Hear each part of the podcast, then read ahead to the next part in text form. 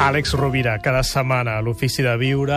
Què tal, Àlex? Ben retrobat. Molt bé, Gaspar. Els oients que vulguin poden escoltar seccions que són totalment intemporals de l'Àlex Rovira eh, de fa anys. No? A catradio.cat eh, poden fer podcast i anar tranquil·lament escoltant l'Àlex com si veiessin una sèrie televisiva sencera. doncs bé, avui amb uns quants aforismes al teu bloc de notes. Quins aforismes? Eh, mira, fem una cosa. Avui no et diré qui és. Avui et llegeixo els aforismes i estic segur que, que els oients, i tu especialment, sabràs qui és. Molt bé. Per tant, avui no t'ho dic d'entrada. Molt bé. Et sembla? Perquè Fantàstic. són uns aforismes deliciosos. En direm uns quants. La persona que va escriure això va dir el que un home pensa de si mateix, això és el que determina, o més aviat indica, el seu destí. Aforisme 1. 2. Només hi ha un remei per l'amor, estimar més. Per l'amor, amar, eh? No per la mort, per l'amor. 3. En comptes d'amor, diners o fama, dona'm la veritat. 4. Les coses no canvien, canviem nosaltres. 5.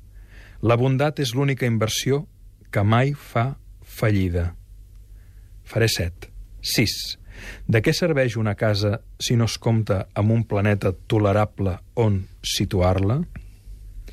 I la setena, amb aquesta segur que l'encertaràs. Diu, vaig anar als boscos perquè volia viure deliberadament, enfrontar només els fets de la vida i veure si podia aprendre el que aquesta havia d'ensenyar. Vaig voler viure profundament i rebutjar tot allò que no fos vida, per no adonar-me'n, en el moment de morir, que no havia viscut. Saps qui Clar, és? Ja, ho has posat fàcil, sobretot aquest últim, clar, Aquesta. perquè Turó és Turó. Sí, no? senyor, és Henry David Thoreau. Sí, que se'n va anar durant dos anys a viure en una cabana per, per aquest motiu que explicava en l'últim aforisme. Sí, senyor. I d'allà va sorgir Walden O la vida als boscos. Sí, sí. Um, cal llegir a Turó, estem d'acord, oi, Gaspar? En la teva darrera novel·la en parles profusament i és Sí. un autor imprescindible. I molt, I molt actual.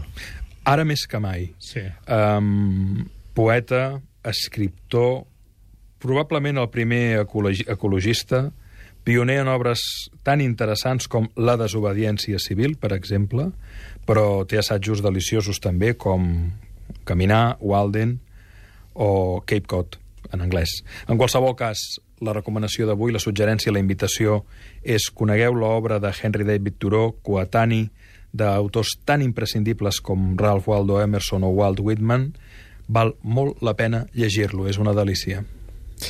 Jo, una de les coses que, que em va cridar molt l'atenció és com ja fa tants anys ell deia que no tenia sentit que estiguéssim tan saturats, tan i tan saturats de, de tants estímuls. sí, sí. I, I també de A mi, tanta... exacte, em va sorprendre molt perquè llegeixes els seus llibres i dius, doncs si visqués ara es, es quedaria esfereït. Eh? I deia, tantes, tantes notícies no calen, no? O sigui, és evident que, sí. en, en, que, que, o sigui, que sí, que, que està molt bé estar informat i estem en una emissora que això ho cultiva, diguem-ne, a l'excel·lència, tot el que és la informació, Catalunya Ràdio, Catalunya Informació, però hi havia aquest senyor Turó que deia, bé, sí, però no ens passem, no? Em deixes un últim aforisme que té molt a veure mm, en el que estem vivint ara a Catalunya? Deia...